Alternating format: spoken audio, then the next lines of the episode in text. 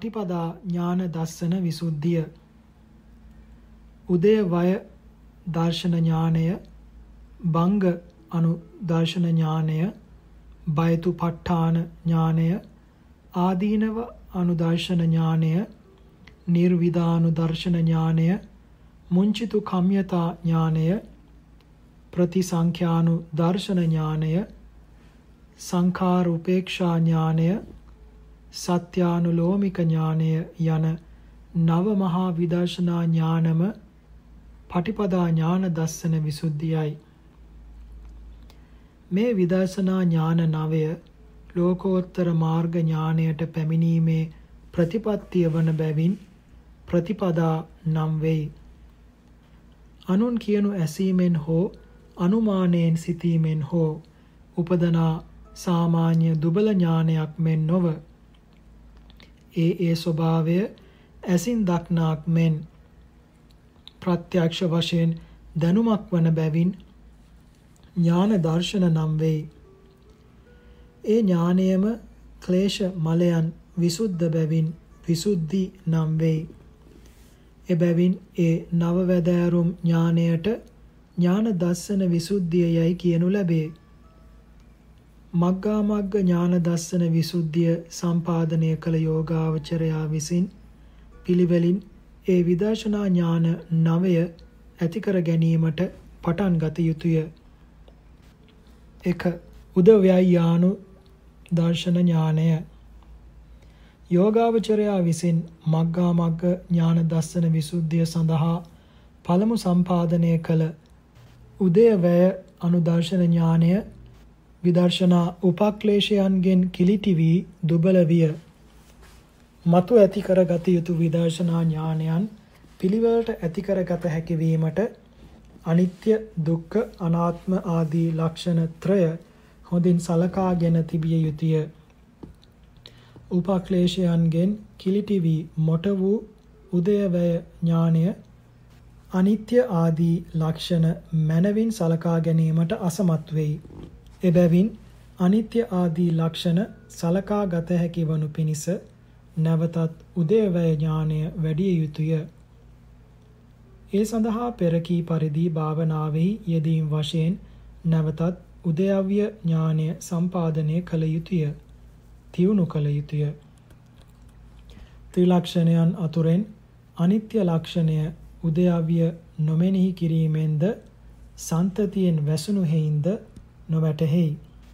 දුක්ඛ ලක්ෂණය සංස්කාරයන්ගේ නිරන්තරයෙන් කරන පීඩාව නොමෙනෙහි කිරීම නිසාද ගමන ආදී සතර ඉරියව්වෙන් වැසෙන නිසාද නොවැටහෙයි.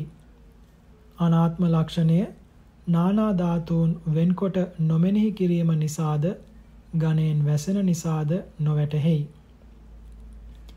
වේගයෙන් ගලා යන ගංගාවෙහි එක් තැනක තිබුණු ජලය එතනින් පහළට ගලනු සමගම උඩින් තිබුණු ජලය එතනට පැමිණෙයි. එය පහළට ගලනු සමගම එයට උඩින් තිබුණු ජලය එතනට පැමිණෙයි. අතරක් නොදක්වා කෙරෙන මේ ජලයේ පැමිණීම නිසා ගංගාවේ එක් තැනක් බලා සිටින වුණට ඒ තැන තිබුණු ජලයම නිතරම තිබුණුසේ පෙනෙයි. එසේම සත්ව సంతානෙහි එක් එක් සංස්කාරයක් නිරුද්ධ වූ තැනට එය නිරුද්ධ වනු සමගම අලුත් සංස්කාරයක් අතරක් නොපෙනෙනසේ ඉපදීම් වශයෙන් වහා පැමිණෙන බැවින් තිබුණු සංස්කාරයන්ම නොනැසී තිබූ හැටියටම බොහෝ කලක් පවත්නාක් මෙන් පෙනෙයි. පරණ බිඳුණු සංස්කාරයන් බිඳුණු බව හා එතනට අලුත් සංස්කාරයන් පහළ වූ බවක් නොපෙනෙනසේ වේගවත්ව පවත්වන්නා වූ මේ પરම්පරා සම්බන්ධයට සන්තතිය යයි කියනු ලැබේ. අනිත්‍ය ලක්ෂණය එයින් වැසෙයි. සංස්කාරයන්ගේ ඉපදීම් බිඳීම් දෙක දක්නා කලෙහි අනිත්‍ය ලක්ෂණය වසාගෙන සිටින ඒ සන්තතිය බිඳෙයි. එබැවින් උදයව්‍ය දක්නා තැනැත්තාට අනිත්‍ය ලක්ෂණය නොසිතාම උදයව්‍ය සිතීමෙන් සන්තතිය බිඳී අනිත්‍ය ලක්ෂණය ප්‍රකට වෙයි. උදයව්‍ය බැලීමෙන් සන්තතිය නොබිදගත් තැනැත්තා විසින් අනිත්‍ය ලක්ෂණය මෙනෙහි කළත් සන්තතියෙන් එය නැවත නැවත වැසෙන බැවින් සුවිසද්ද අනිත්‍ය දර්ශන ඥානයක් නොලැබෙයි. සංස්කාරයන් ආත්ම කොට ඇති තැනැත්තාට ඒවායේ බිඳීම විනාශය තමාගේම විනාශයක් බැවින් පීඩාවකි. බිඳුණු සංස්කාරයන් වෙනුවට අලුත් සංස්කාරයන් උපදවා ගැනීමට වෙහෙසිය යුතු බැවින් අලුත් සංස්කාරයන් ඉපදීමත් පීඩාවකි.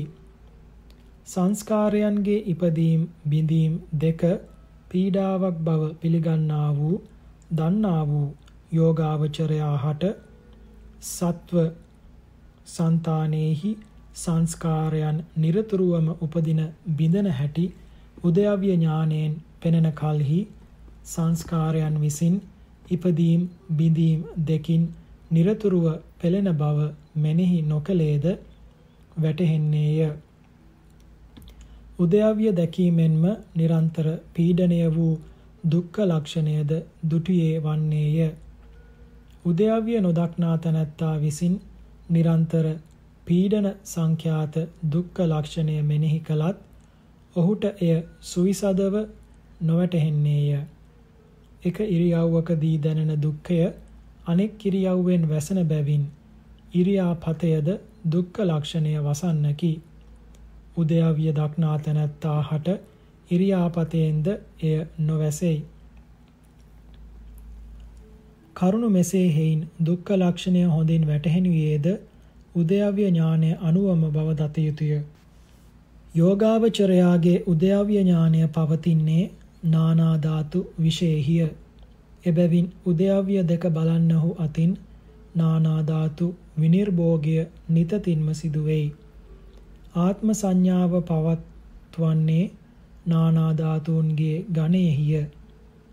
ධාතු වෙන්වෙන් වශයෙන් දක්නා කලෙහි ඒවායේ අනාත්මය අනාත්මත්වය වසාගෙන සිටින ගණය නැමැති කවරය ඉබේම ඉවත් වෙයි. අනාත්මත්වය වසා සිටින ගණය බිඳී යාමෙන් උදයව්‍ය දර්ශනයෙන් අනාත්මත්වය ප්‍රකට වෙයි. උදයවියත් ලක්ෂණයත් කරුණු දෙකක් බැවින් උදයවිය අරමුණු කරන ඥානය කිසි කලෙක ලක්ෂණයන් අරමුණු නොකරයි. ලක්ෂණයන් අරමුණු කරන ඥානයත් කිසි කලෙක උදයවිය අරමුණු නොකරයි. උදයවිය ඥානයට ලක්ෂණ ප්‍රකට වේ යයි කියන ලදියේ උදයවිය දර්ශනයෙන් ලක්ෂණ දැක ගැනීමට ඇති බාධා දුරවන හේිනි. උදයව්‍ය දර්ශනයෙන් ආවරණයෙන් දුරු වී ගිය පසු අරමුණු කිරීම වශයෙන් ඒවා බැලිය යුතුය. අරමුණු කිරීම වශයෙන් බැලීමය යනු භාවනා කිරීම වශයෙන් සංස්කාරයන්ගේ ත්‍රිලක්ෂණය මෙනෙහි කිරීමය. මග්ගා මග්ග ඥාන දස්සන විසුද්ධියෙන් පසු යෝගාවචරයා විසින් උදයව්‍ය මෙනෙහි කිරීමේ භාවනාව දින කීපයක් කළ යුතුය. ත්‍රිලක්ෂණ දර්ශනය සුද්ධ වීමට උදයව්‍ය දර්ශනය හේතු වෙයි. එසේම උදයව්‍ය දර්ශනය සුද්ධ වීමට ත්‍රිලක්ෂණයද හේතු වෙයි. එබැවින් මෙතෙන් පටන් උදයව්‍ය භාවනා ත්‍රිලක්ෂණ භාවනා දෙකම වරින් වර කරන්නට පටන් ගත යුතුය. උදයව්‍යද හේතුවන් හේතුන්ගේ වශයෙන් බැලීම නවත්වා ලක්ෂණ වශයෙන් බැලීමම කළ යුතුය.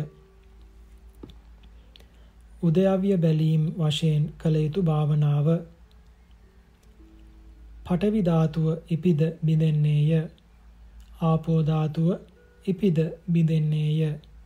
තේජෝ ධාතුව ඉපිද බිඳෙන්නේය. වායෝ ධාතුව ඉපිද බිඳෙන්නේය. චක්කු විඥාන ධාතුව පෙය්‍යාල. සෝත විඥාන ධාතුව පෙය්‍යාල. ගාන විඥාන ධාතුව පෙය්‍යාල. ජීවහා විඥාන ධාතුව පෙය්‍යාල. කාය විඥාන ධාතුව පෙය්‍යාල. මනෝ විඥාන ධාතුව ඉපිද බිඳෙන්නේය. ස්කන්ධ ක්‍රමයෙන් භාවනා කිරීම. රූපස්කන්ධය ඉපිද බිඳෙන්නේය.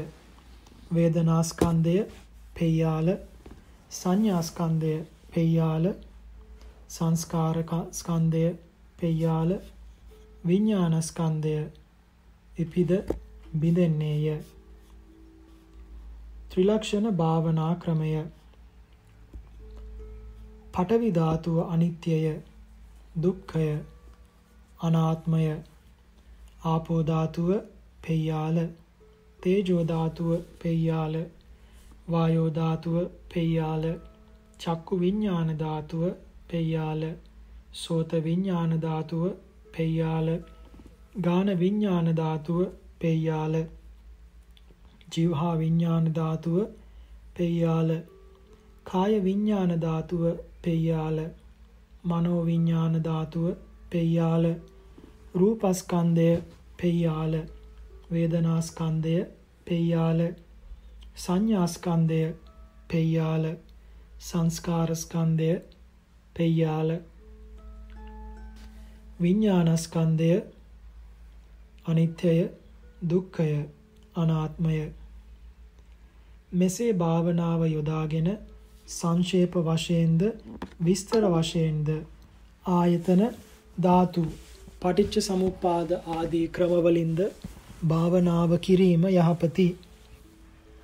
මෙසේ භාවනා කිරීම වශයෙන් සංස්කාරයන්ගේ උදයවිය හා ත්‍රිලක්ෂණයද උපක්ලේශයන්ගෙන් මිදුණා වූ නියම මාර්ගයේහි ගෙන යන්නා වූ විදර්ශනා ඥානයන් නැවත නැවත බලන්නා වූ මෙනෙහි කරන්නා වූ යෝගාවචරයාගේ උදයව්‍ය ඥානය අතිශයින් දියුණු තියුණු වූ කල්හි යෝගාවචරයා හට සංස්කාරයන් වහවහ වැටහෙන්නට වන්නේය. ඒ తත්වය පැමිණි කල්හි ක්‍රමයෙන් යෝගාවචරයාගේ සිත සංස්කාරයන්ගේ උපාදයට හා ස්ථිතියට හෝ ප්‍රවෘත්තියට හෝ නිමිත්තට හෝ නොපැමිණ නිරෝධය කරාම පැමිණෙන්නට වන්නේය. යෝගාවචරයාගේ සිතට උපාද ආදිය අරමුණු නොවි නිරෝධයම අරමුණු වන්නට පෙනෙන්නට පටන් ගන්නේය. එය බංගානු දර්ශන ඥානයාගේ ආදියට පැමිණීමය. සංස්කාරයෝ මෙසේ ඉපිද බිඳ බිඳම යන්නාහ යයි නැවත නැවත නුවණින් මෙනෙහි කරන්නා වූ ඔහුට මේ ස්ථානයේදී බංගානු දර්ශන ඥානය නම් වූ විදර්ශනා ඥානය උපදින්නේය. දෙක. බංගානු දර්ශන ඥානය. දැන් යෝගාවචරයා විසින් කළ යුත්තේ තමා ලැබූ ඒ ලපටි බංගානු දර්ශන ඥානය දියුණු තියුණු වනු පිණිස පිළිපැදීමය. එය දියුණු වීම පිණිස කළ යුත්තේ මෙසේය. වර්තමාන භවයට අයත් රූප ආදී සංස්කාරයන්ගේ බංගයේ කොටස් වශයෙන් මෙනෙහි කොට අනතුරුව එය මෙනෙහි කළ චිත්තයාගේ බංගය තවත් සිතකින් බැලිය යුතුය. ඉක්බිති තමා ප්‍රත්‍යක්ෂ වශයෙන් දක්නා ලද ඒ සංස්කාර නිරෝධය සාක්ෂියට තබා අතීතයේ ඇති වූ සකල සංස්කාරයන්ගේ නිරෝධයද අනාගතයේ ඇතිවන්නා වූ සකල සංස්කාරයන්ගේ නිරෝධයද බැලිය යුතුය. ඉක්බිති සත්ව සංඥාව දුරුවනු පිණිස ශුන්්‍යතාවය වැටහෙනු පිණිස බිඳෙන මැරෙන කෙනෙකු නැති බව සංස්කාරයන්ම බිඳෙන මැරෙන බව මෙනෙහි කළ යුතුය. මතු පැමිණිය යුතු ලැබිය යුතු විඥාන ස්නානයට මග හෙළවීම පිණිස ඒ සංස්කාරයන් අනිත්‍ය වශයෙන් බලා නিত্য සංඥාව දුරු කළ යුතුය. දුක් වශයෙන් බලා සුභ සුඛ සංඥාව දුරු කළ යුතුය. අනාත්ම වශයෙන් බලා ආත්ම සංඥාව දුරු කළ යුතුය. කලකිරිය යුතු ධර්ම බව බලා සංස්කාරයන් පිළිබඳ නන්දි යයි කියනු ලබන සප්‍රීතික තෘෂ්ණාව දුරු කළ යුතුය. ඇලුම් නොකළ යුතු බව බලා රාගය දුරු කළ යුතුය. අනිත්‍ය ආදී අනේක ආදීනවයන් ඇති සංස්කාරයන් පවත්වා ගැනීම රැස් කිරීම පිළිබඳ සිත් හල යුතුය. සංස්කාර විරහිතව නිර්වාණයට සිත නැමිය යුතුය. භාවනා වාක්‍ය මාගේ ශරීරයේ රූපයෝ නිතරම බිඳෙන්නාහ. රූප නිරෝධය බැලූ සිතද බිඳුනේය. මෙහි ශරීරයේ රූපමෙන්ද රූපයන්ගේ නිරෝධය බැලූ සිතමෙන්ද අතීතයේ වූ සකල සංස්කාරයෝම නිරුද්ධ වූහ අනාගතයේ සංස්කාරයෝද නිරුද්ධ වන්නාහ සංස්කාරයත් හැර බිඳෙන මැරෙන සත්වයෙක් පුද්ගලයෙක් නැත සංස්කාරයෝම මැරෙන්නාහ සකල සංස්කාරයෝම බිඳී අතුරුදහන් වන බැවින් අනිත්‍යයෝය. බියවිය යුතු බැවින් දුක්ඛයෝය. සුව වශයෙහි නොපවත්නා බැවින් අනාත්මයෝය. හොඳයයි සතුට විය යුතු ගුණයක් නැති හේයින් හොඳයයි ඇලුම් කළ යුතු ගුණයක් නැත්තෝය. රැස් කිරීමෙන් දුකක්ම වන බැවින් නොරැස් කළ යුත්තෝය. දුකෙන් මිදනු කැමැතියන් විසින් හල යුත්තෝය. උපදින උපදින වේදනාවෝ බිඳෙන්නාහ. වේදනා නිරෝධය බැලූ සිතද බිඳුනේය. එමෙන්ම අතීතේහි වූ සකල සංස්කාරයෝම නිරුද්ධ වූහ. අනාගතේහි උපදිනා සංස්කාරයෝද නිරුද්ධ වන්නාහ. සංස්කාරයන් හැර බිඳන මැරෙන සත්වයෙක් පුද්ගලයෙක් නැත. සංස්කාරයෝම මිදෙන්නාහ මැරෙන්නාහ. බිඳන බැවින් සකල සංස්කාරයෝම අනිත්‍යයෝය. බියවිය යුතු බැවින් දුක්ඛයෝය. ස්ව වශයෙහි නොපවත්නා බැවින් අනාත්මයෝය. හොඳයයි සතුටු විය යුතු ගුණයක් නැත. හොඳයයි ඇලුම් කළ යුතු ගුණයක් නැත. රැස් කිරීමෙන් දුකක්ම වන බැවින් නොරැස් කළ යුත්තෝය. දුකෙන් මිදනු කැමතියන් විසින් හල යුත්තෝය.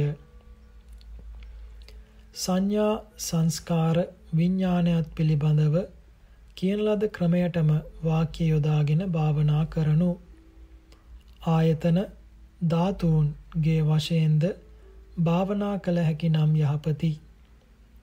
මෙසේ නොෙක් අයුරින් සංස්කාරයන්ගේ නිරෝධයම නැවත නැවතත් භාවනා වශයෙන් බලන්නා වූ යෝගාවචරයා හට මහත් දියබින්දු ඇතිවැස්සක් වස්නා කල්හි වැවක් දෙස බලා සිටින කෙනෙකුට දියබිබුලු බිඳෙනු පෙනෙන්නාක් මෙන්ද රත් වූ කබලක තල බැදෙනු පෙනෙන්නාක් මෙන්ද සංස්කාරයන්ගේ බිඳීමම පෙනෙන්නට වන්නේය.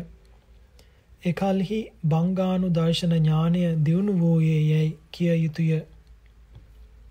තුන බයතු පට්ඨාන ඥානය බංගානු දර්ශන ඥානය මැනවින් සම්පාදනය කරගත් යෝගාවචරයා විසින් දැන් බයතු පට්ඨාන ඥානය ලබනු පිණිස පිළිපැදිය යුතුය.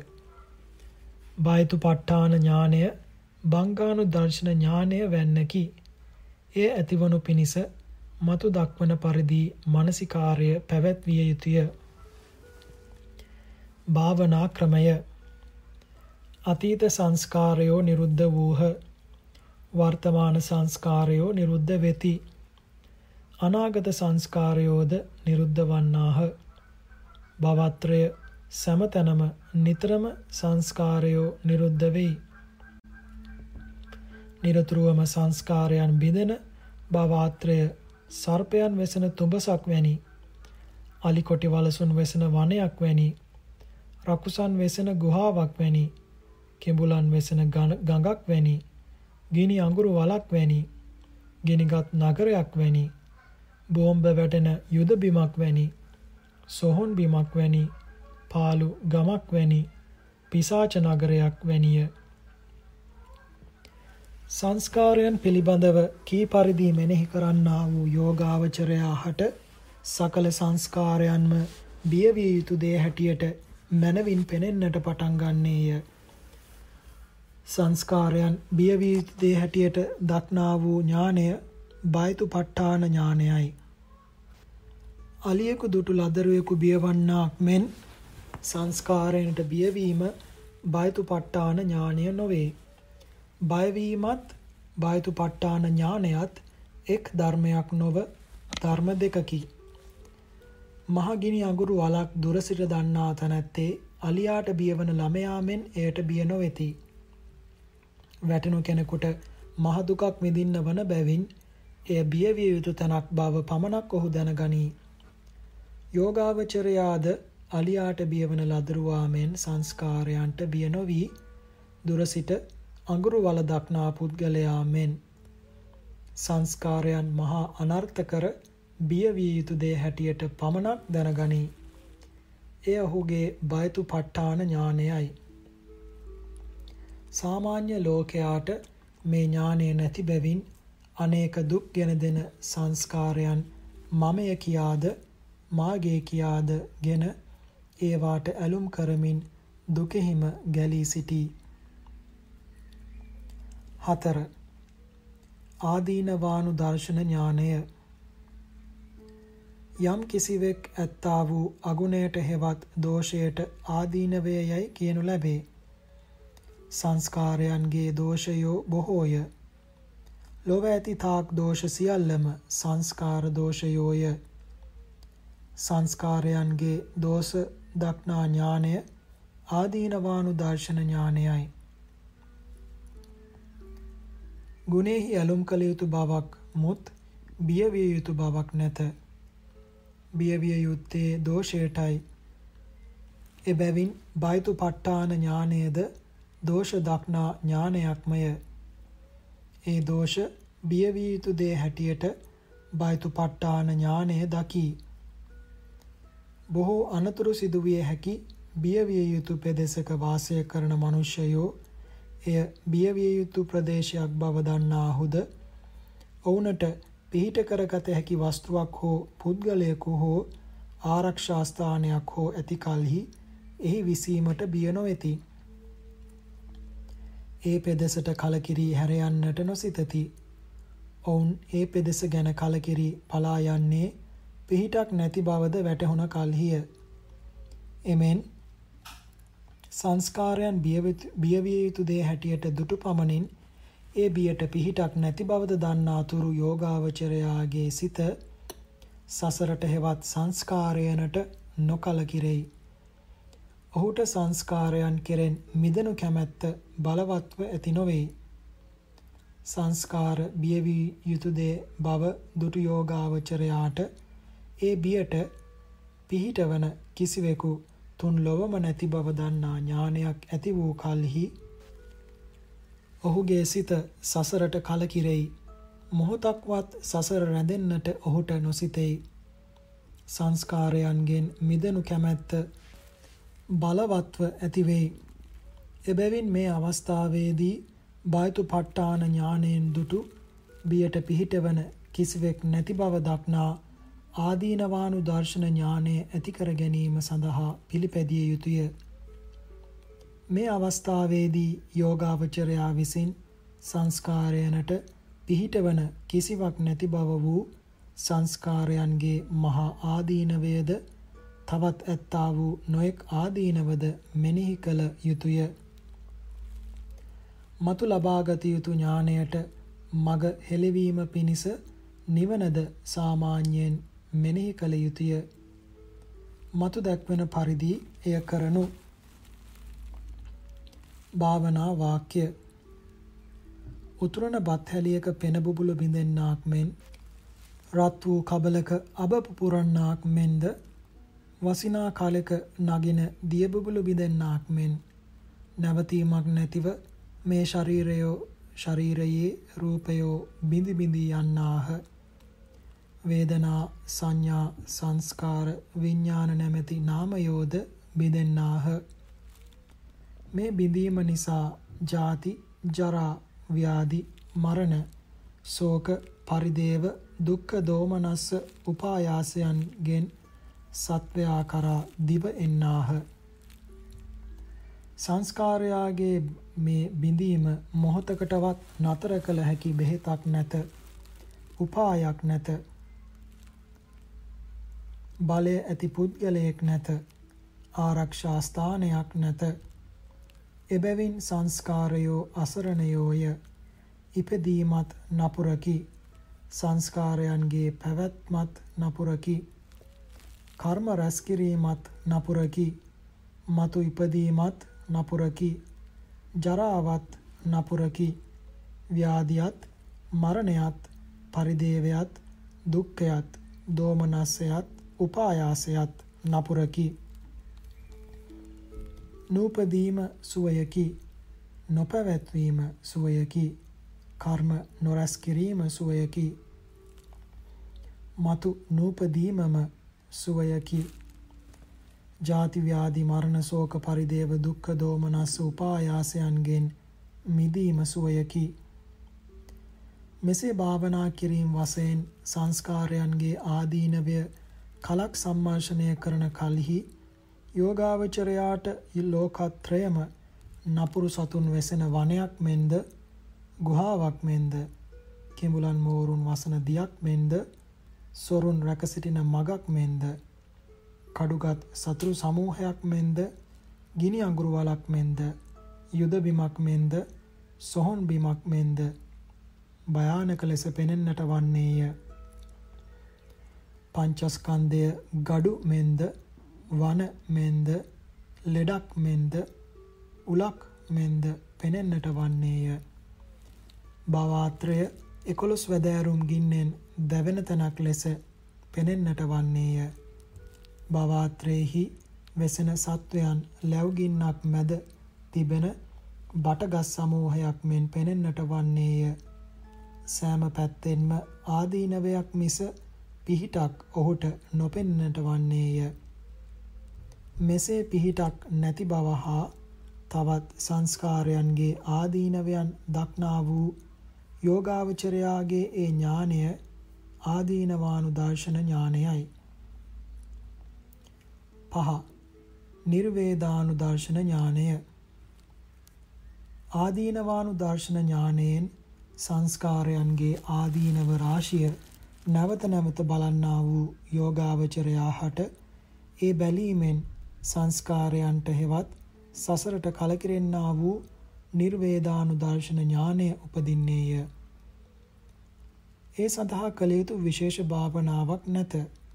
ආදීනවයන් මෙනෙහි කිරීමෙන්ම ඒ ඥානය ලැබෙන්නේය. එය ලත් කලෙහි යෝගාවචරයා හට පක්ෂියෙකුට වනයේහි හැසිරීමට මිස රනින් කළ කූඩුවකවත් විසීමට සතුටක් නොවන්නාක් මෙන්ද? මත්ස්‍යයෙකුට දියෙහිම මිස ගොඩ සතුටක් ඇති නොවන්නාක් මෙන්ද?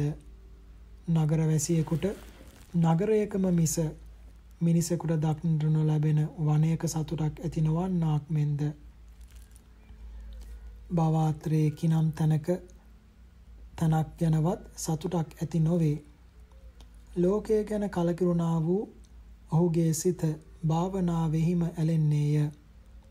ඔහුට සතුට පිණිස පවත්නාදය භාවනාවම වන්නේය. 6. මුංචිතු කම්යතා ඥානය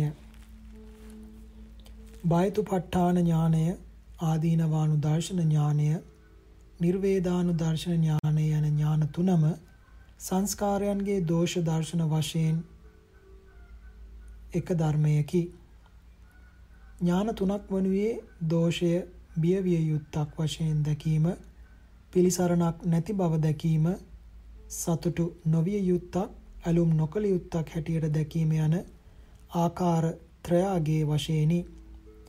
බයතුපට්ඨාන ඥාන ආදී ඥාන තුන ඇති වූ කල්හි ඒ ඥානයන් වැඩෙත් වැඩෙත්ම යෝගාවචරයා හට තමා හසු වී සිටින සංස්කාර ධර්ම පරම්පරාව නැමැති සංස්කාර චක්‍රයෙන් කවර ආකාරයකින් හෝ මිදී යුතු බව පෙනෙන්නට වන්නේය.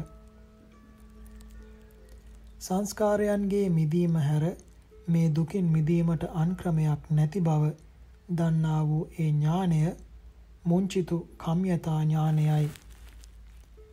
මේ ඥානය ඇති වූ කලෙහි යෝගාවචරයාගේ සිත සංස්කාරයන් කෙරෙන් හැකිලෙන්නට වන්නේය.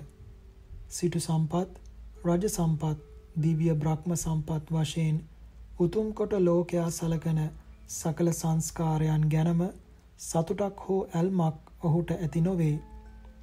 කඩුවකට හසු වූ පක්ෂියෙකු මෙන්ද බන්ධනයට හසුවන මුර්ගයෙකු මෙන්ද කෙමනකට හසු වූ මත්ස්‍යයෙකුට මෙන්ද සර්පයකට හසු වූ මැඩියෙකුට මෙන්ද සංස්කාරයන් කෙරෙන් හෙවත් භවයෙන් මිදීමේ බලවත් කැමැත්තක් ඔහුට ඇතිවන්නේය.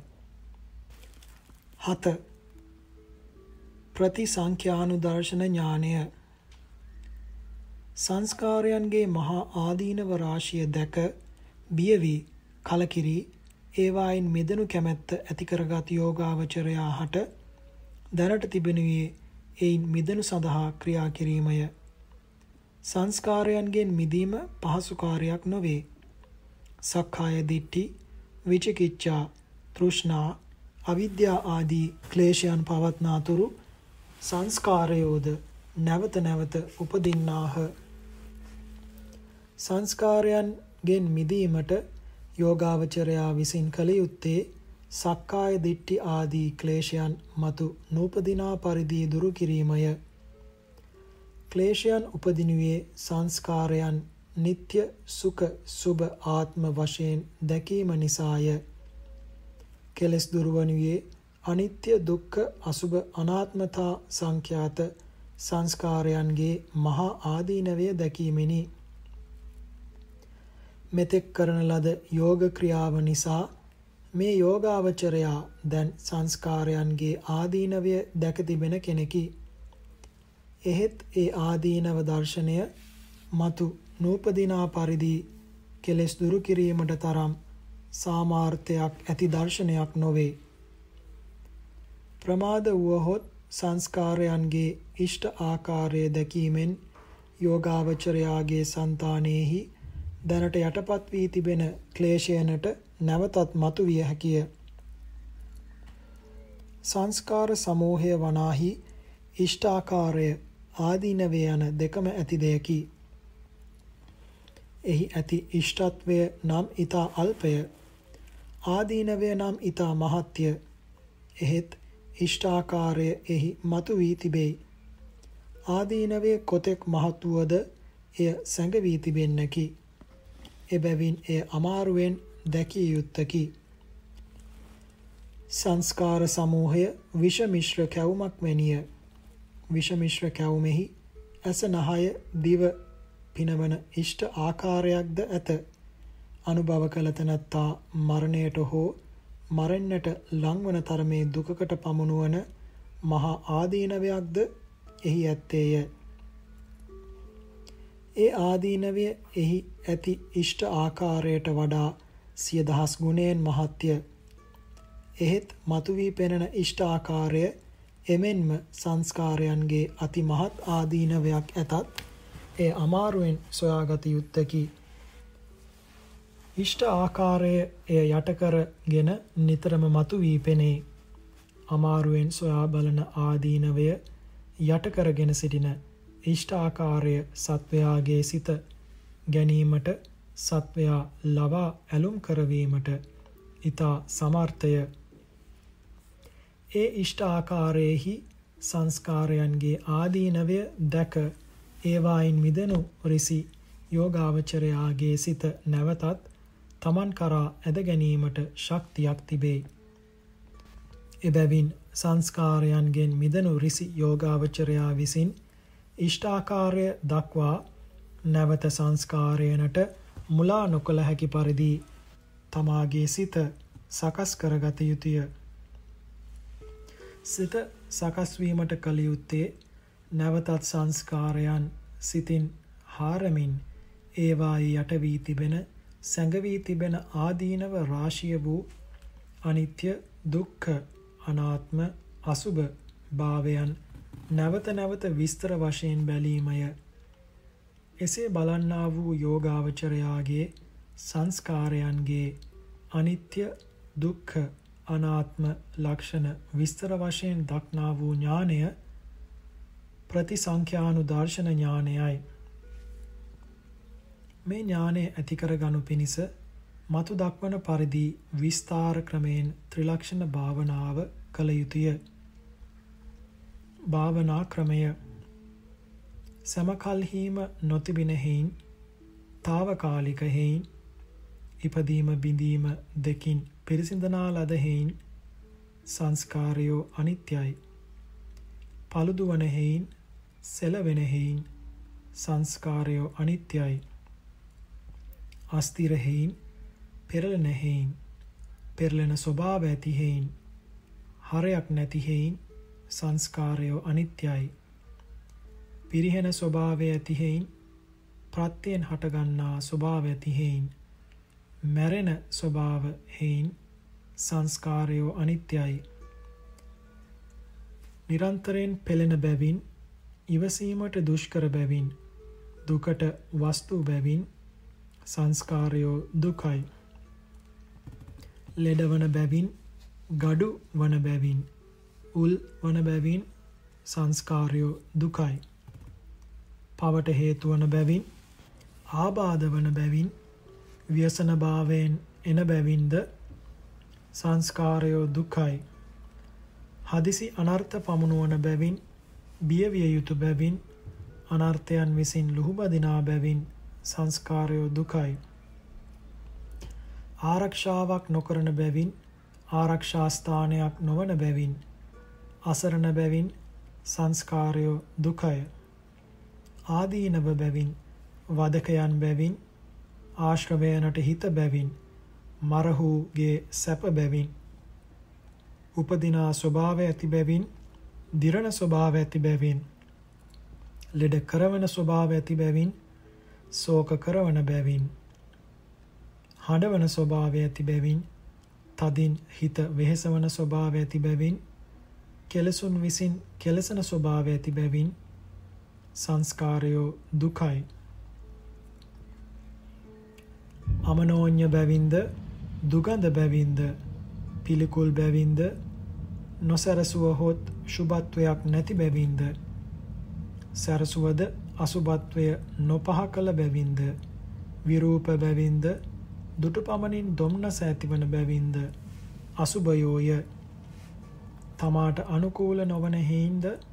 ලෝකයා විසින් ඇතිසේ සිතන දූව සුඛ සුබ ආත්ම ස්වභාවයෙන් හිස් හේින්ද? අල්ප හේින්ද? කාරක වේදත්වයක් නැති හේින්ද?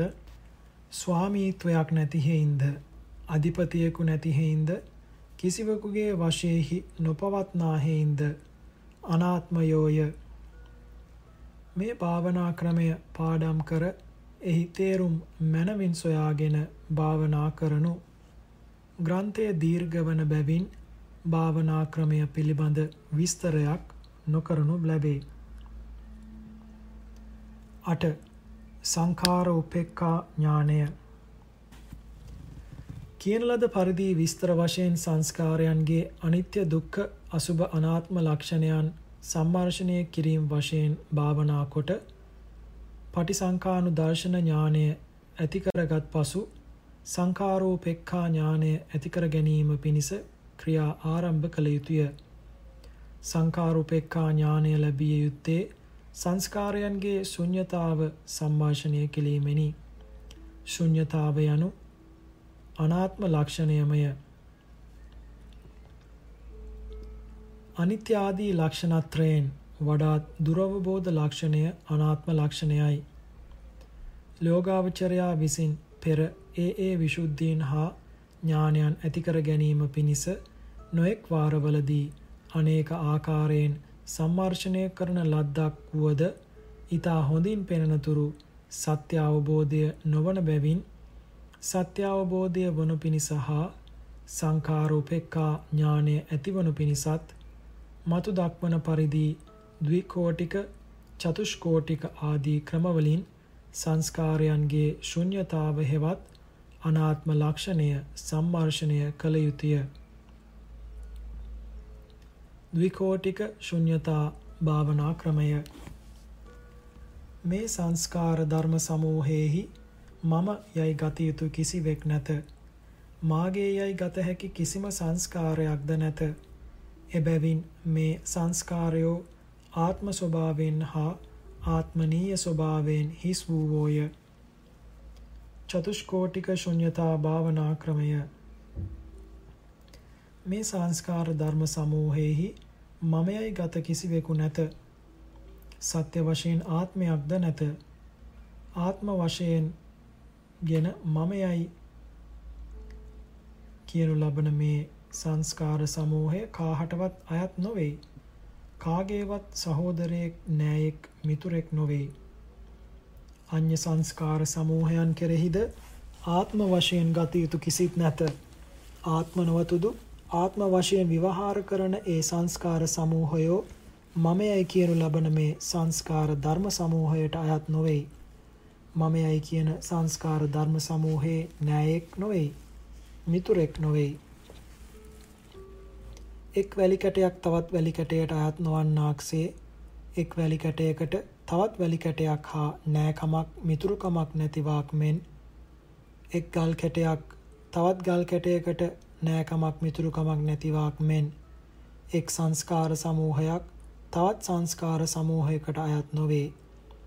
එක් සංස්කාර සමූහයක් තවත් සංස්කාර සමූහයකට නෑකමක් මිතුරුකමක් නැත.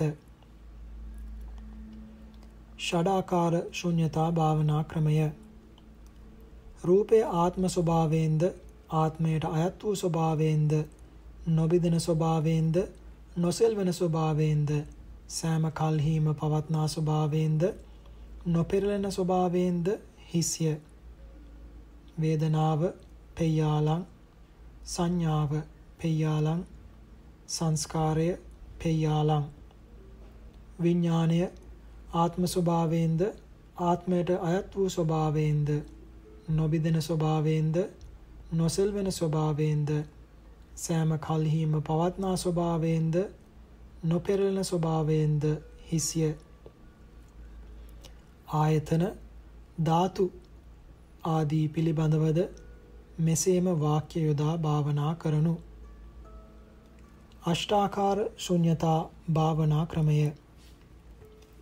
යම්සේ බටගස සාරයක් නොවේද සාරයක් නැත්තේද සාගරයෙන් පහ වූයේද එරඩු ගස දිබුල් ගස පෙනපිණ්ඩය දියබිබුල මිරිගුව කෙසල් ගස මායාව සාරයක් නොවේද? සාරයක් නැත්තේද? සාරයෙන් පහ වූයේද? එමෙන්ම රූපය නිත්‍ය සාරයෙන්ද? සුඛ සාරයෙන්ද? ආත්ම සාරයෙන්ද? නිත්‍ය ස්වභාවයෙන්ද? සාස්වත ස්වභාවයෙන්ද? අවිපරිණාම ස්වභාවයෙන්ද? සාරයක් නොවේ. සාරයෙන් පහ වූයේය. වේදනාව පෙය්‍යාලං සංඥාව පෙය්‍යාලං සංස්කාරය පෙය්‍යාලං විඥාණය පෙය්‍යාලං. ආයතන ධාතු ආදිය පිළිබඳවද මෙසේම වාක්‍ය යොදා භාවනා කරනු. දසාකාර ශුන්්‍යතා භාවනා ක්‍රමය. රූපය නিত্য සාර ආදියෙන් හිස්ය හිස් බැවින් ලාමකය. එහි ආත්ම සාරයක් නැත. තෙමේද ආත්ම නොවන්නේය. අඤ්ඤන් කෙරෙහි තමාගේ අධිපති බව හෝ තමා කෙරෙහි අඤ්ඤන්ගේ අධිපති බව හෝ එයට නැත. පෙන පිටක් වාජන ආදී බවට නොපැන්විය හැකි සේ කෙනෙකුගේ කැමැත්ත පරිදි එය නিত্য සුභ සුඛ ආත්ම ස්වභාවයනට නොපැනවිය හැකිය. මෙසේම වේවා මෙසේ නොවේවා යයි කෙනෙකුගේ කැමැත්ත පරිදි එය නොලැබිය හැකිය. එයට අන්‍ය සත්ව සංස්කාරයන් සෝ වශයෙහි නොපැවැත්විය හැකිය. සුවසන්තානයට අයත් වුවද ඒවා සුව විශේෂෙහි නොපැවැත්විය හැකි බැවින් එය අනිකෙකු වැනිය. අභ්‍යන්තරයේහි කිසිවක් නැති බැවින් හිස්ය. වේදනාව පෙය්‍යාලං සංඥාව පෙය්‍යාලං සංස්කාර පෙය්‍යාලං විඥාණය පෙය්‍යාලං. වාක්‍ය සම්පූර්ණ කර භාවනා කරනු. ආයතන ධාතු ආදිය පිළිබඳවද මෙසේව වාක්‍ය යොදාගත යුතුය. ද්වාදස ආකාර ශුන්්‍යතා භාවනා ක්‍රමය රූපේ සත්වයක් නොවේ ජීවයක් නොවේ නරයෙක් නොවේ මානවයෙක් නොවේ. ත්‍රිස්ත්‍රියක් නොවේ. පුරුෂයෙක් නොවේ. ආත්මයක් නොවේ. ආත්මයට අයත් නොවේ. මම නොවේ. මාගේ නොවේ. අනෙකෙකුගේ නොවේ. වේදනාව පෙය්‍යාලං සංඥාව පෙය්‍යාලං සංස්කාරය පෙය්‍යාලං විඥාණය පෙය්‍යාලං. ආයතන ධාතු ආදිය ගැනද යොදාගනු. ද්වා චත්තාලිසාකාර ශුන්්‍යතා භාවනාව. රූපය අනිත්‍යයි දුකයි ලෙඩයි ගඩුවකි හුලකි පාපයකි ආබාධයකි තමාගෙන් අනිකකි පළදුවන දෙයකි ව්‍යසන පමුණුවන දෙයකි උපද්‍රවයකි බයකි. අනර්ථයන් විසින් ලුහුපදිනා ලද දෙයකි. සෙලවෙන දෙයකි බිඳෙන දෙයකි අස්තිර දෙයකි ආරක්ෂාවක් නොවන්නකි ආරක්ෂා ස්ථානයක් නොවන්නකි පිහිට නොවන්නකි පිහිටක් වශයෙන් නොගත යුත්තකි නිත්‍ය ආදී ස්වභාවයන්ගෙන් හිස් වූවකි ස්වාමිකාරක වේදනා ආදී භාවයන්ගෙන් ශුන්‍යය හිස් බැවින් තුච්ඡය අනාත්මය ආස්වාද රහිතය ආදීනවයකය පෙරලෙන දෙයකි හරයක් නැති දෙයකි පවට මුලකි වදයකි විනාශ වන දෙයකි ආශ්‍රවයනට හිත වූවකි ප්‍රත්‍යයන් කරන ලද්දකි මරහුගේ සැපයකි ඉපදෙන ස්වභාව ඇත්තේය දිරණ ස්වභාව ඇත්තේය රෝග හටගන්නා ස්වභාව ඇත්තේය මරණ ස්වභාව ඇත්තේය. ශෝක පරිදේව දුක්ඛ දෝමනස් උපායාස නැති කරන ස්වභාව ඇත්තේය. උපදනා දෙයකි බින්දන දෙයකි ඇල්ම දුරු කළ යුතු දෙයකි. වේදනාව පෙය්‍යාලං සංඥාව පෙය්‍යාලං සංස්කාර පෙය්‍යාලං විඥාණය පෙය්‍යාලං වාක්‍ය යොදා ගනු ආයතන ධාතු ආදී පිළිබඳවද මෙසේම වාක්‍ය යොදා භාවනා කරනු. මේ භාවනා වාක්‍ය පිළිබඳ විස්තරයක් කළ යුතු නමුත් ග්‍රන්ථය මහත් වන බැවින් නොකරනු ලැබේ. යෝගාවචරයන් විසින් මේවා හොඳින් තේරුම්ගෙන භාවනා කළ යුත්ත. චත්තාලිසාකාර මහා විපස්සනා භාවනා පොත බලන්න. මමය කියා ආත්ම වශයෙන් ගන්නා දෙයකට යම් කිසිවකින් කරදරයක් පීඩාවක් වේ නම් ඒ දෙය දෝෂයක් හෙවත් ආදීනවයක් හැටියටද බිය විය යුත්තක් හැටියටද බිය එළවන දෙයක් හැටියටද කලකිරිය යුත්තක් හැටියටද පෙනෙන්නේය. ආත්ම සංඥාව නිසාම ඒ ආත්මයේ කරදරයට පීඩාවට හේතු වන දෙයින් ගැලවීමේ අදහසද ඇතිවන්නේය. මෙසේ බලන කල යෝගාවචරයා විසින් දැනට ඇති කරගෙන තිබෙන බයතුපට්ඨාන ඥානය ආදීනවානු දර්ශන ඥානය නිර්වේදානු දර්ශන ඥානය මුංචිතු කම්යතා ඥානය යන සියල්ල එක් අතකින් අනුසය වශයෙන් පවත්නා සක්කාය දිට්ඨිය සම්බන්ධයෙන් නැගෙන ඥානයෝය. එබැවින් ආර්ය සත්‍ය අවබෝධයට බාධක වූ නිවනට පැමිණීමට බාධක වූ සක්කාය දිට්ඨිය මනවින් දුරලීමට ඒ ඥානයෝ සමර්ථ නොවේති. සක්කාය දිට්ඨිය දුරු කිරීමට සමර්ථ ඥානය පටිසංඛ්‍යානු දර්ශන ඥානයයි. ද්විකෝටික චතුර්කෝටික ආදී අනේක ක්‍රමයන්ගෙන් සංස්කාරයන්ගේ ආත්ම ශුන්්‍යතාවය බලා පටිසංඛ්‍යානු දර්ශන ඥානය දියුණු තියුණු කළ කල්හි සක්කාය දිට්ඨිය දුරුවෙත් දුරුවෙත්ම සංස්කාරයන් පිළිබඳ ඇලීමත් බයත් දුරු වෙයි. සංස්කාරයන් පිළිබඳ මධ්‍යස්ථ දර්ශනයක් යෝගාවචරයාට ඇති වෙයි. ඔහු සංස්කාරයන් මමය කියාද මාගේය කියාද ඉන්පසු නොගනී. සංස්කාරයන් සම්බන්ධයෙන් යෝගාවචරයාගේ සිත භාර්යාවගේ දොස් දැක භාර්යාව අතහැර දැමූ පුරුෂයෙකුගේ සිත බඳු වෙයි. සෝබන තරුණ භාර්යාවක් ඇති පුරුෂයෙකුට ඇයට ඇති ඇල්ම නිසා එක් දිනයකුදු ඇගෙන් වෙන් නොවී සිටීම ඉවසිය හැකි නොවන්නේය. ඒ පුරුෂතෙමේ තමාගේ භාර්යාව අන්පුරුෂයෙකු දෙස බලන දුටු හොත් කතා කරනු දුටු හොත් සිනාසෙනු දුටුහොත් මහත් දොම්නසට පැමිණෙන්නේය. මෙසේ ඇලුම් කරන්නා වූ භාර්යාවගේ දොස් ප්‍රත්‍යක්ෂ වශයෙන්ම දැක පුරුෂයා විසින් ඒ ස්ත්‍රිය තමාගේ භාර්යත්වයෙන් පහ කරනු ලැබුවහොත් ඉන්පසු ඒ පුරුෂයාට ඒ ස්ත්‍රිය කවර පුරුෂයෙකු සමග කෙසේ හැසිරෙනු දුටද දොසක් ඇති නොවේ. ඔහුගේ සිත ඒ ස්ත්‍රිය පිළිබඳව මධ්‍යස්ථ භාවයෙන්ම පවතින්නේය. එමෙන් පටිසංකානු දර්ශන ඥාණයෙන් සංස්කාරයන් විමසා ඒවායේ මමය කියාද මාගේය කියාද ගත යුතු කිසිම හරයක් නැති බව දක්නා යෝගාවචර තෙමේ සංස්කාරයන් පිළිබඳ වූ ඇල්ම හා බියද දුරු කොට ඒවා ගැන මධ්‍යස්ත වන්නේය. ඔහුගේ සිත සිටුවරයෙකුගේ රජෙකුගේ සම්පතටද නොයදෙන්නේය. දිව්‍ය බ්‍රහ්ම සම්පත්වලටද නොයදෙන්නේය. ඔහුගේ සිත ගින්නට දැමූ පියාපතක් මෙන්ද සම්කැබැල්ලක් මෙන්ද කෙස් රොදක් මෙන්ද භවාත්‍රේහි දිගහැරී නොගොස් භවය කෙරෙන් හැකිලෙන්නේය. ඔහුට භවය හෙවත් සංස්කාර සමූහය මධ්‍යස්ථ වශයෙන් හෝ පටික්කූලත්වයෙන් හෝ පෙනෙන්නේය.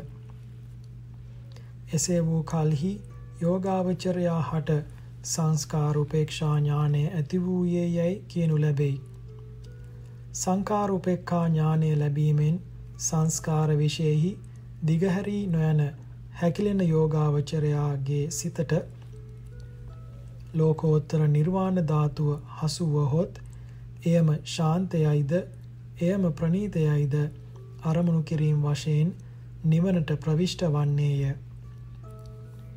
යෝගාවචරයාගේ සිත සංස්කාරයන් කෙරෙන් කොතෙක් හැකිලෙන්නක් වුවද සංස්කාරයන්ගේ තතු සෙවීම පිළිබඳ කොතෙක් උදාසීන වුවද නිවන් නොපෙන්නතුරු ඔහුගේ සිතට පිහිටීමට ඔහුගේ සිතට පැවැත්මට අන් අරමුණක් නැති බැවින් යෝගාවචරයාගේ සිත නැවත නැවතත් සංස්කාරයන් කරාම පැමිණෙන්නේය. මේ අවස්ථාවෙහි ඔහුගේ සිතේ ආකාරය දැක්වීමට පූර්වාචාර්යවරයෝ දිශාකා උපමාවක් දැක්වූහ. එය මෙසේය. පුරාණ කාලයේ සමුද්‍රය තරණය කරන නැවියෝ මංමුලා වූ විටකදී ප්‍රයෝජනය ලබනු සඳහා කපුටෙකු හෝ අන්පක්ෂයෙකු හෝ ගෙන ගියෝය. ඔවුනට මග සොයාගත නොවහොත් ඒ අවස්ථාවේදී මේ කවුඩා මුදා හරින්නාහුය. කවුඩා අහසේ ඒ මේ අත පියාසර කොට ගොඩබිමක් දුටහොත් ඒ දෙසට යන්නේය. නැවත නැව කරා නොෙන්නේය. ගොඩබිමක් නොදුටුවහොත් නැවත නැවතත් නැවේ කුඹගසටම එන්නේය. මේ දිශා කාකයා මෙන් යෝගාවචරයාගේ හිතද නිවන දුටහොත් අරමුණු කිරීම වශයෙන් නිවනට පැමිණෙන්නේය. නිවන නොදුටුවහොත් එතෙක් අන් අරමුණක් නැති බැවින් සංස්කාර ආරම්මණයෙහිම පවතින්නේය. යෝගාවචරයා හට නිවන සොයාගත හැකි වනුයේ නිවන දැකගත හැකි වනුයේ ලක්ෂණ සම්මර්ෂණ අනුසාරේනි. එබැවින් මේ අවස්ථාවේ පැමිණි කලෙහි යෝගාවචරයා විසින් ද්විකෝටික චතුෂ්කෝටික ආදී ක්‍රමවලින් කරගෙන ආ ශුන්‍ය විදර්ශනා හැරදමා සංස්කාරයන්ගේ අනිත්‍ය ආදී ලක්ෂණත්‍රය නැවතත් බලන්නට පටන් ගත යුතුය. එසේ ලක්ෂණ බලන කල්හිද సంతාණයට අයත් සංස්කාරයන්ගේ ලක්ෂණ බැලීමම ප්‍රමාණවත් නොවේ.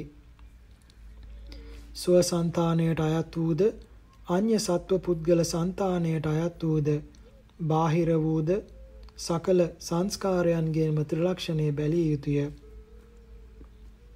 එසේ බලන කල්හිදු රූප වේදනා ආදී වශයෙන් කොටස් කොටද බැලිය යුතුය. සකල සංස්කාරයන්ම එක් කොටද බැලිය යුතුය. විමෝක්ෂ මුක විමෝක්ෂ යන දෙක සංකාරූපෙක්කා ඥානය ලත් යෝගාවචරයා ඉන් పూర్වයේහි සංස්කාරයන්ගේ ලක්ෂණ අනේක ආකාරයෙන් අනේක වාරයන්හි විමසා ඇති බැවින් ඔහුට දැන් මහන්සියක් නැතිවම ලක්ෂණයන් බැලිය හැකිය. දැන් ඔහු මාර්ගයට ඵලයට පැමිණීමට ඊතා ලංව සිටින්නේකි. ඔහුට මාර්ගයට පැමිණීමට තවත් ඇත්තේ අනුලෝම ඥානය හා ගෝත්‍රභූ ඥානය ඇතිවීම පමණකි. ඒ ඥානයන් ඇතිවීමට ඔහුට දැනට කළ යුතු විශේෂ භාවනාවක් නැත. ඔහු විසින් දැන් කළ යුත්තේ ත්‍රිලක්ෂණයම බලමින් විසීමය. මාර්ග ඥානය නම් නිර්වාණය ප්‍රත්‍යක්ෂ වශයෙන්ම දන්නා ඥානයකි. නිර්වාණය වනාහි දැකීමට අතිශයින් දුෂ්කර වූ පරම සූක්ෂම ධර්මයකි. වසා තැබූ දෙයක් වැසුම හලකල්හි පෙනෙන්නාක් මෙන් ඒ නිර්වාණ ධාතුව යම් කිසි දිනකදී යෝගාවචරයා හට ඉබේම පෙනෙන්නේ නොවේ.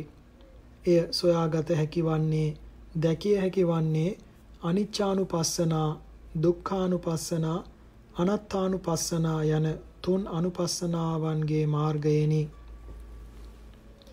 අනිච්චානුපස්සනා යනු සංස්කාරයන්ගේ අනිත්‍ය ලක්ෂණය බැලීමය.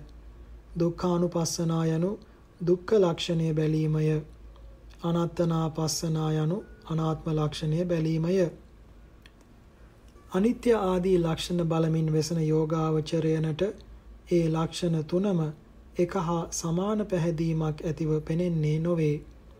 ඇතැම් යෝගාවචරයෙකුට අනිත්‍ය ලක්ෂණය වඩා පැහැදිලි වෙයි. ඇතැමෙකුට දුක්ඛ ලක්ෂණය ඇතැම් යෝගාවචරයෙකුට අනාත්ම ලක්ෂණය වශයෙන් වෙන වෙනම පැහැදිලි වී පෙනෙයි.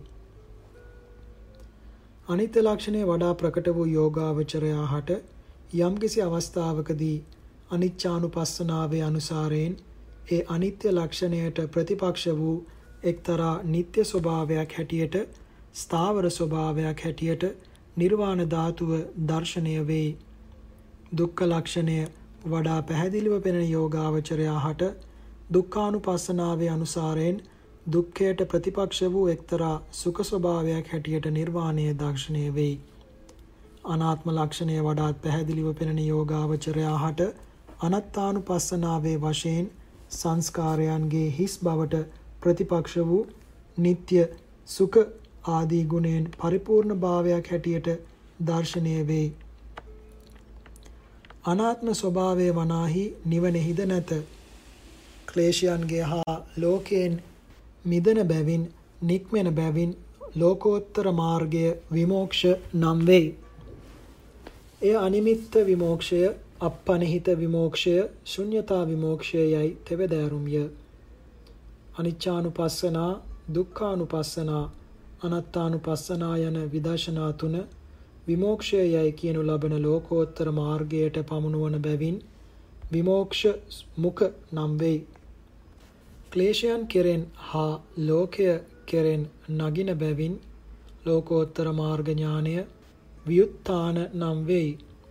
දියුණු වූ සංඛාරුපෙක්ඛා ඥාන වියුත්තාන සංඛ්‍යාත මාර්ගයට ඒකාන්තයෙන් පමුණුවන බැවින් වියුත්තාන ගාමිනී විදර්ශනා නම් වෙයි.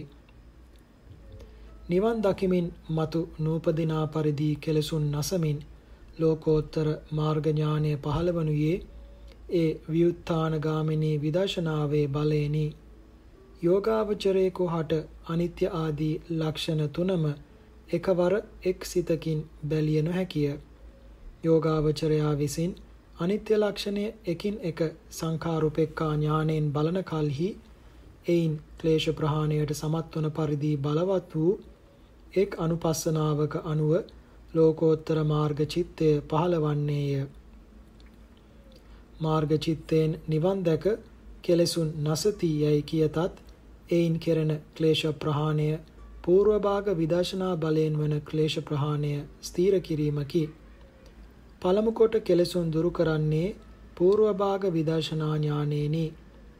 මමය මව පියා සහෝදර ස්ත්‍රිය පුරුෂයා හිස අත පය ගෙය වස්ත්‍රය යනාදී වශයෙන් ඒකාන්තයෙන් නැතද ඇතිසේ හැඟෙන ප්‍රඥප්තියහු සංස්කාරයන් නිසා හැඟෙන බැවින් සංස්කාරයෝ නිමිත්තයෝය. කෙලෙසින් උපදිනුයේ සංස්කාරයන් කෙරෙහි නොව සංකාර නිමිති කෙරෙහිය. අනිත්‍ය ලක්ෂණය දක්වා වූ ඥානය දිය බිබුලු බිඳෙන්නාක් මෙන් සංස්කාරයන් බිඳී යන හැටි මනවින් පෙනීමෙන් පෙර කල් පවතින ද හැටියට පෙනුණු සංස්කාර නිමිත්තයන් වූ සත්වයන් පුද්ගලයන් හා වස්තුන් නැති බව සංස්කාර පමණක් ඉපිද ඉපිද බිඳි බිඳී යන බව පෙනීමෙන් යෝගාවචරයාගේ සිතින් මුලින් මහත්සේ ඇති හැටියට පෙනුණු සංස්කාර නිමිත්තයෝ බැහැර වෙති. එයින් යෝගාවචරයා නැතහොත් අනිත්‍ය දර්ශනය ඥානය සංස්කාර නිමිත්තෙන් බැහැර කිරීම වශයෙන් එයින් නැගී සිටින්නේය. මමය මවය පියාය යනාදීන් පෙනෙමින් තිබුණු සංස්කාර නිමිත්තයන් යෝගාවචරයාගේ සිතින් බැහැරවීමෙන්ම ඒවා නිසා ඇතිවන සක්කාය දිට්ඨි ආදී ක්ලේශයෝද සිතින් බැහැර වූ ආහු වෙති. නැතහොත් නසන ලද්දාහු වෙති. ඒ අනිත්‍ය ලක්ෂණ දර්ශන ඥානයෙන් කළ ක්ලේශ ප්‍රහාණය නිසා එයට අනුව නිවන් දැක మතු නූපදිනා ආකාරයෙන් ඒ කෙලසුන් දුරු කරන්නා වූ ලෝකෝත්තර මාර්ග චිත්තය පහළ වෙයි. ඒ අනිත්‍ය දර්ශන ඥානය කෙලසුන්ගේ උප්පත්තියට හේතු වන සංස්කාර නිමිත්ත බිඳහිලීම් වශයෙන් බැහැර කිරීම වශයෙන් ලෝකෝත්තර මාර්ගයාගේ උප්පත්තිය සිදු කරවන බැවින් අනිමිත්තානුපස්සනා නම් වූ විමෝක්ෂ මුඛය වන්නේය. ඒ අනිමිත්තානුපස්සනාව නිසා එයට අනුව උපන් ලෝකෝත්තර මාර්ගයේද අනිමිත්ත විමෝක්ෂ නම් වෙයි. සංස්කාරයන්ගේ දුක්ඛ ලක්ෂණය මනවින් දන්නා කලෙහි සංස්කාරයන් කෙරෙහි බියවිය යුත්තක් පිළිකුල් කළ යුත්තක් මිස ඇලුම් කළ යුත්තක් නැති වී යාමෙන් සංස්කාරයන් පිළිබඳව උපදින ප්‍රනිදිය හෙවත් ඇල්ම දුරු වෙයි. සමහර යෝගාවචරයෙකු හට සංස්කාරයන් පිළිබඳ ප්‍රනිදිය දුරු වී යාමට සමත්වන පරිද්දෙන් බලවත්ව දුක්ඛානුපස්සනා ඥානය ඇති වෙයි. එයට අනුව ලෝකෝත්තර මාර්ග චිත්තය පහළ වෙයි. දුක්ඛය දැක ප්‍රනිදිය දුරුකොට ප්‍රනිදියෙන් නැගී ලෝකෝත්තර මාර්ග උපදවන්නා වූ ඒ දුක්ඛානුපස්සනාව අප්‍රහිනතා අනුපස්සනා නම් වූ විමෝක්ෂ මුඛය වේ. එය නිසා එයට අනුව උපන්නා වූ ලෝකෝත්තර මාර්ගය අප්‍රනීහිත විමෝක්ෂ නම් වෙයි. සංස්කාරයන්ගේ අනාත්ම ලක්ෂණය මනවින් දක්නා යෝගාවචරයා හට ඒවායේ මමය සත්වයාය පුද්ගලයාය යයි ගත යුතු කිසිවක් නැති බව පෙනී යාමෙන් සක්කාය දිට්ඨි ආදී ක්ලේශයෝ දුරු වෙති. සමහර යෝගාවචරයන් හට කෙලෙස් දුරු කිරීමට සමත් වන පරිදි බලවත් වූ අනාත්ම දර්ශන ඥානය පහළ වී එයට අනුව ලෝකෝත්තර මාර්ග චිත්තය පහළ වෙයි. බලවත් වූ ඒ අනාත්ම දර්ශන ඥානය සංස්කාරයන්ගේ ආත්ම ශුන්‍යත්වය දැක කෙලසුන් නසා මාර්ගයට පමුණුවන බැවින් ශුන්‍යා ශුන්‍යතානුපස්සනා නම් වූ විමෝක්ෂ මුඛය වෙයි.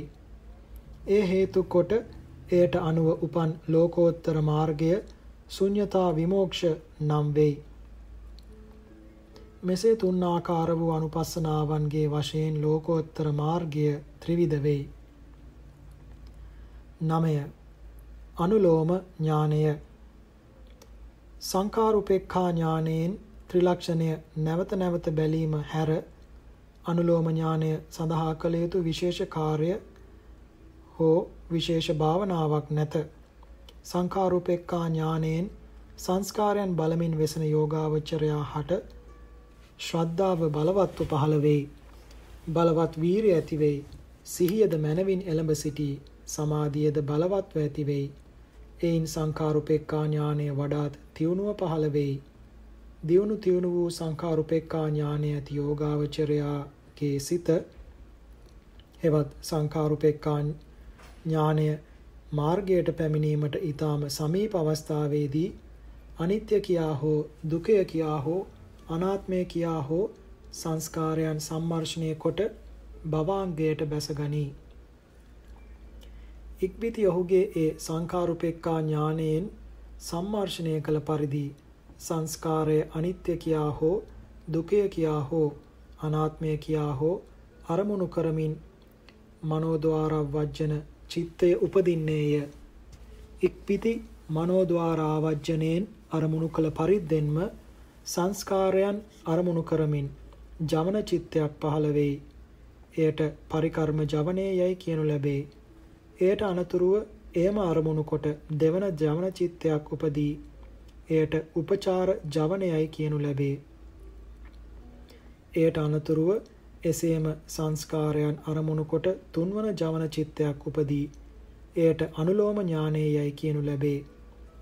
මේ ජවන සිත් තුන හා උපඥානය උදයව්‍ය ඥාන ආදී අටක් වූ ඥානයන්ට හා මතු ලැබෙන ගෝත්‍ර වූ ඥාන මාර්ග ඥානයටද අනුකූල බැවින් අනුලෝම ඥානයයි කියනු ලැබේ.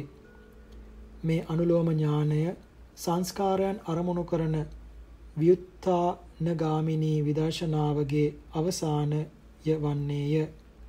ගෝත්‍ර වූ ඥානයට පැමිණීමෙන් ව්‍යුත්ථානගාමිනී විදර්ශනා ඥානය සර්වාකාරයෙන් මස්තකා ප්‍රාප්ත වන්නේය.